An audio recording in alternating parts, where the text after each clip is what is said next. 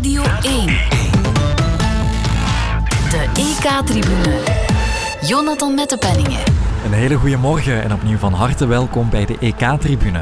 Opnieuw, want de knock-outfase is begonnen. Het gaat nu sneller, directer en vuriger. En wie dat niet kan opbrengen, gaat er genadeloos uit. Of kan het handig uitspelen tot de verlengingen. Want de meest aantrekkelijke affiche vandaag was dus tussen Italië en Oostenrijk. Maar het waren de kleintjes uit Denemarken die de harten van de voetbalfans nog maar eens veroverden. Gaat uh, Melen hier zijn kans kunnen gaan. Duurde wat lang, maar hij kan nog binnen trappen. Met links, waarom niet? Zijn tweede goal op dit TK. Hij kreeg daar onvoorstelbaar veel tijd. Joachim Melen. Hij was met zijn rechter aan het knoeien, mag je bijna zeggen. Maar zoveel tijd, zoveel ruimte. En dan doe ik het gewoon op links. Ook al speel ik nu dan eindelijk op rechts. 3-0 Denemarken. Ze gaan naar Baku. Denemarken maakte er vier tegen Wales, een stevige prestatie zonder hun superster. Italië had het heel wat lastiger en legde de Oostenrijkers pas in de verlengingen over de knie. Ik heb het erover met twee gasten. Dag Eddy de Mares en dag Helene Jacques. Hallo. Goedemorgen. Helene, je hebt voor ons vooral de wedstrijd van de Italianen gevolgd, maar beginnen doen we met die eerste wedstrijd tussen Denemarken en Wales. Daar kon je alleen maar blij van worden, tenzij je enige liefdesbanden hebt met Wales. Want de Denen die wonnen met 4-0.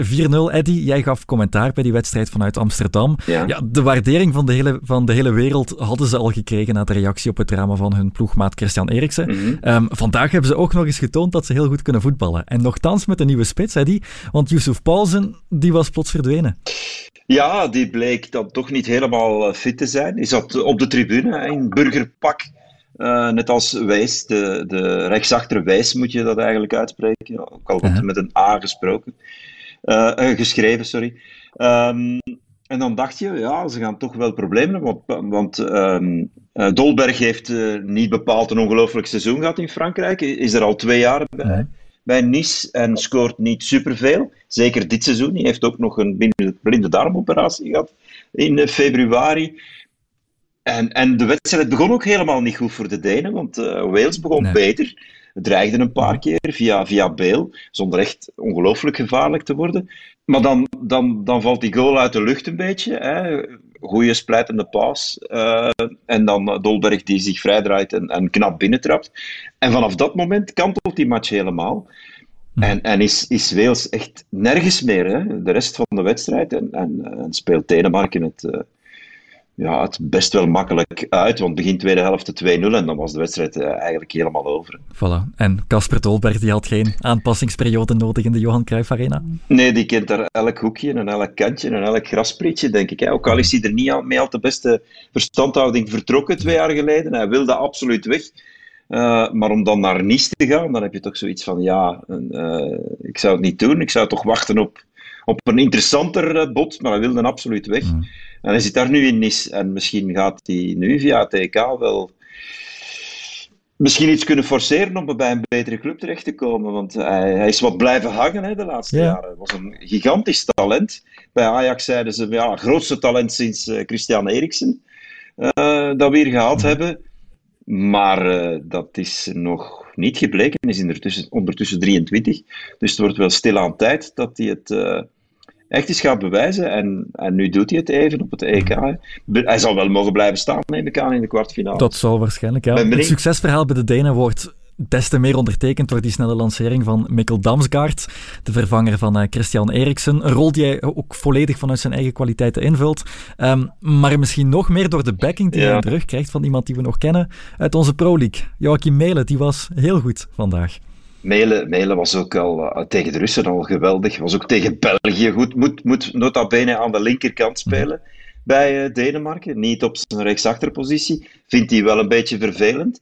Had hij eh, in het begin wel wat moeite mee ook. Maar speelt nu al ook tegen Rusland, tegen ons. Nu, vandaag, was hij misschien wel de beste Deen op het veld.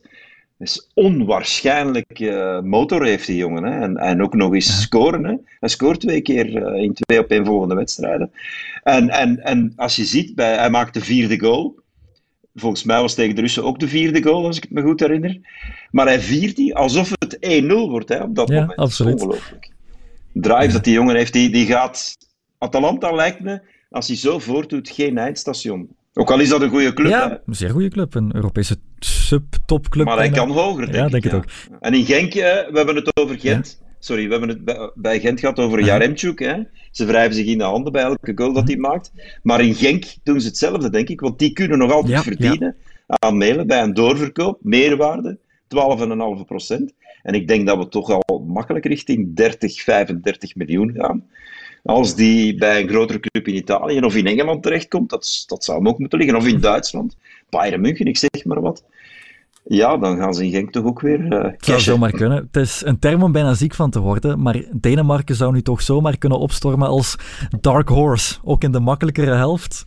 Ja, in tegenstelling tot de Turken, die naar mijn gevoel dat ook mhm. nooit zijn geweest, eerlijk gezegd. Eh, ik heb ze zien spelen tegen Nederland in de voorronde van het WK in maart. En zo ongelooflijk goed waren ze ook niet, want die match had ook anders kunnen lopen.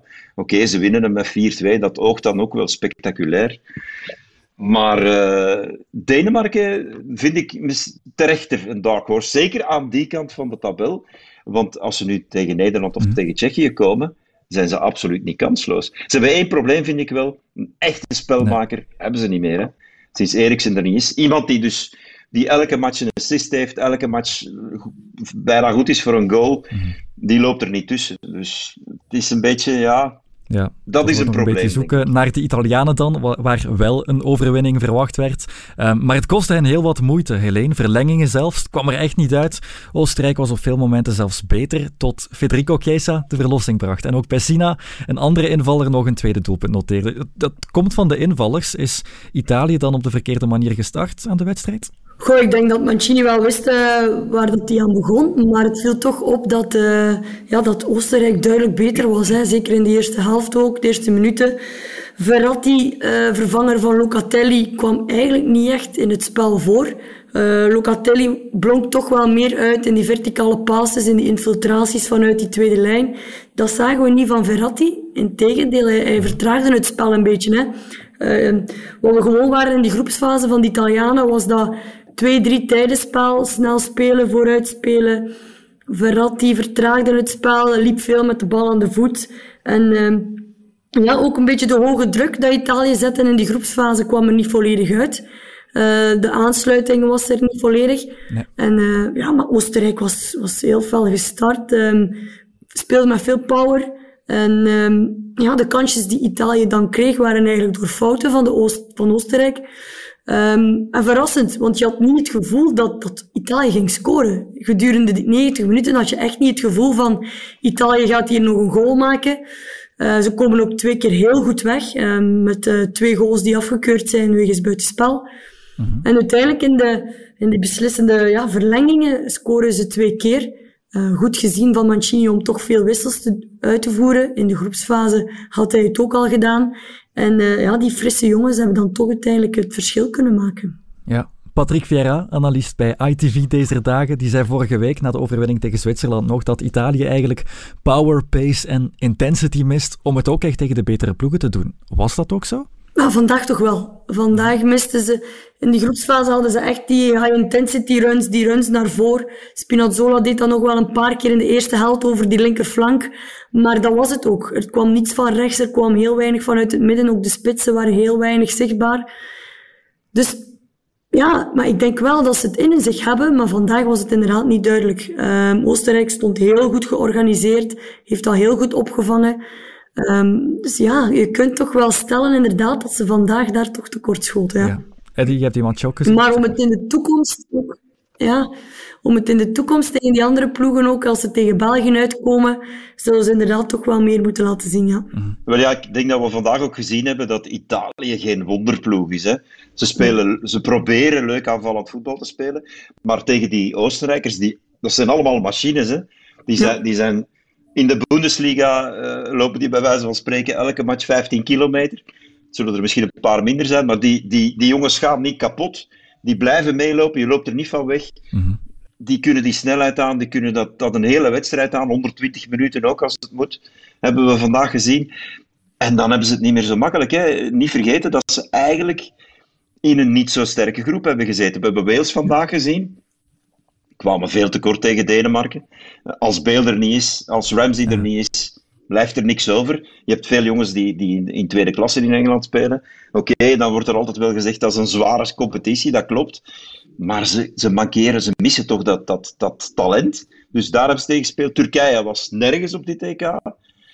En, en Zwitserland is ook niet van het niveau van, uh, ja, laten we zeggen, subtop in Europa, maar absoluut geen top in Europa. Dus ze hebben geen moeilijke groep gehad en ze hebben drie keer thuis mogen spelen. Ja. Dus ik denk, ja, als ze effectief, zoals je zegt, Helene, tegen een goede ploeg. Maar desondanks houden ze opnieuw die nul. Hè. Zij houden opnieuw die nul. Uh, ze hebben in minder ploegen gespeeld, ze hebben ondergelegen.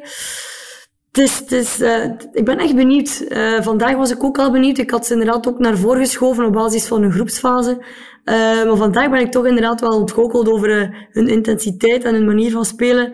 En dan zag je inderdaad dat, dat Oostenrijk gewoon die klasse beter was, puur qua kracht en power. En ja, tegen een België zal dat net hetzelfde zijn. Hè? Denemarken wint nu 4-0 van Wales. De Belgen winnen van Denemarken. Dus in principe zouden België Italië ook wel vlot moeten aankunnen. Alleen vlot is, is een groot woord, maar ze zouden ze zeker moeten aankunnen. Ja. Dus uh, ja, ik kijk zeker uit naar het vervolg. Mm -hmm. ja. De vraag die we dan nog misschien kunnen stellen, um, als ze dan tegen België zouden uitkomen in een kwartfinale, um, is wie er daar achterin zal plaatsvinden. Want misschien is Chiellini dan wel al terug, um, maar vandaag werd hij nog vervangen door Acerbi. En uh, Helene, als ex-verdediger kan jij dat misschien beter inschatten, maar ik had heel graag Bastoni gezien. Snap jij de keuze voor Acerbi? Ja, Acerbi is ervaring. Um, ik denk uh, in zijn verdediging opteert hij heel graag voor ervaring, zeker met Bonucci ja. en, en Chiellini. Dat zijn ja, de twee oetjes. En ik denk dat hij gewoon op dat elan wil verder gaan. Ervaring en uh, verdedigers puur sang, die, uh, die een lijn kunnen zetten, die een organisatie kunnen neerzetten. Hij heeft op zich goede voetballers genoeg in het middenveld, met Jorginho, Ferrati en Barella. Um, dus ik denk dat, dat hij eigenlijk geopteerd heeft voor de ervaring ja. achterin. Ja, inderdaad. Er zit zoveel avontuur in dat elftal, dat die achterin ja. wel die zekerheid willen. Donnarumma, niet ja. vergeten, die ook al eens graag uh, ja, klopt. Uh, rare en gevaarlijke dingen doet. Daar heb je toch twee, twee echt ervaren jongens nodig ervoor, die ook op, op een bepaald moment zeggen, jongens, en nu gewoon bal weg. En nu gaan we niet onnozel doen, we gaan het uh, dicht houden hier. Ik denk dat dat inderdaad wel, wel belangrijk is voor Mancini. Ja, inderdaad. De kwartfinale die mogen ze dus uitvechten met, met ons of met Portugal. Um, ja, ontgoocheld vandaag toch een beetje. Wat krijgen we dan? Ik denk, ik denk dat Portugal een taaiere klant is dan Italië. Ja? dat is mijn mening. Mm -hmm. Ja, ik denk het ook wel. Um, Portugal heeft, iedereen spreekt over Ronaldo, maar inderdaad, Portugal heeft zoveel meer uh, kwaliteiten ook. Um, ik denk wel dat de Belgen er klaar voor zijn, maar op basis van wat ik nu gezien heb van Italië, dan vermoed ik ook wel dat Portugal toch dat tikkeltje beter is dan Italië. Mm -hmm. Ja, meer, meer klassenspelers met meer, met meer ervaring op het allerhoogste niveau ook. Hè. Ja, ja. Zeker. Dan Italië, met alle respect, maar ja, ik schat de Portugezen toch een niveautje hoger in. Voilà, ja. dat maken we dan morgen mee. De achtste finales zijn vandaag van start gegaan. Italië gaat zoals verwacht door naar de kwartfinale en ook het sprookje van Denemarken loopt nog niet op zijn einde. Nog minstens één ronde tot ze lang en gelukkig verder kunnen leven. Morgen zijn we er weer met meer achtste finales, maar voor nu heel erg bedankt Eddie de Mares en Helene Jacques. Graag gedaan. Graag gedaan. Dag.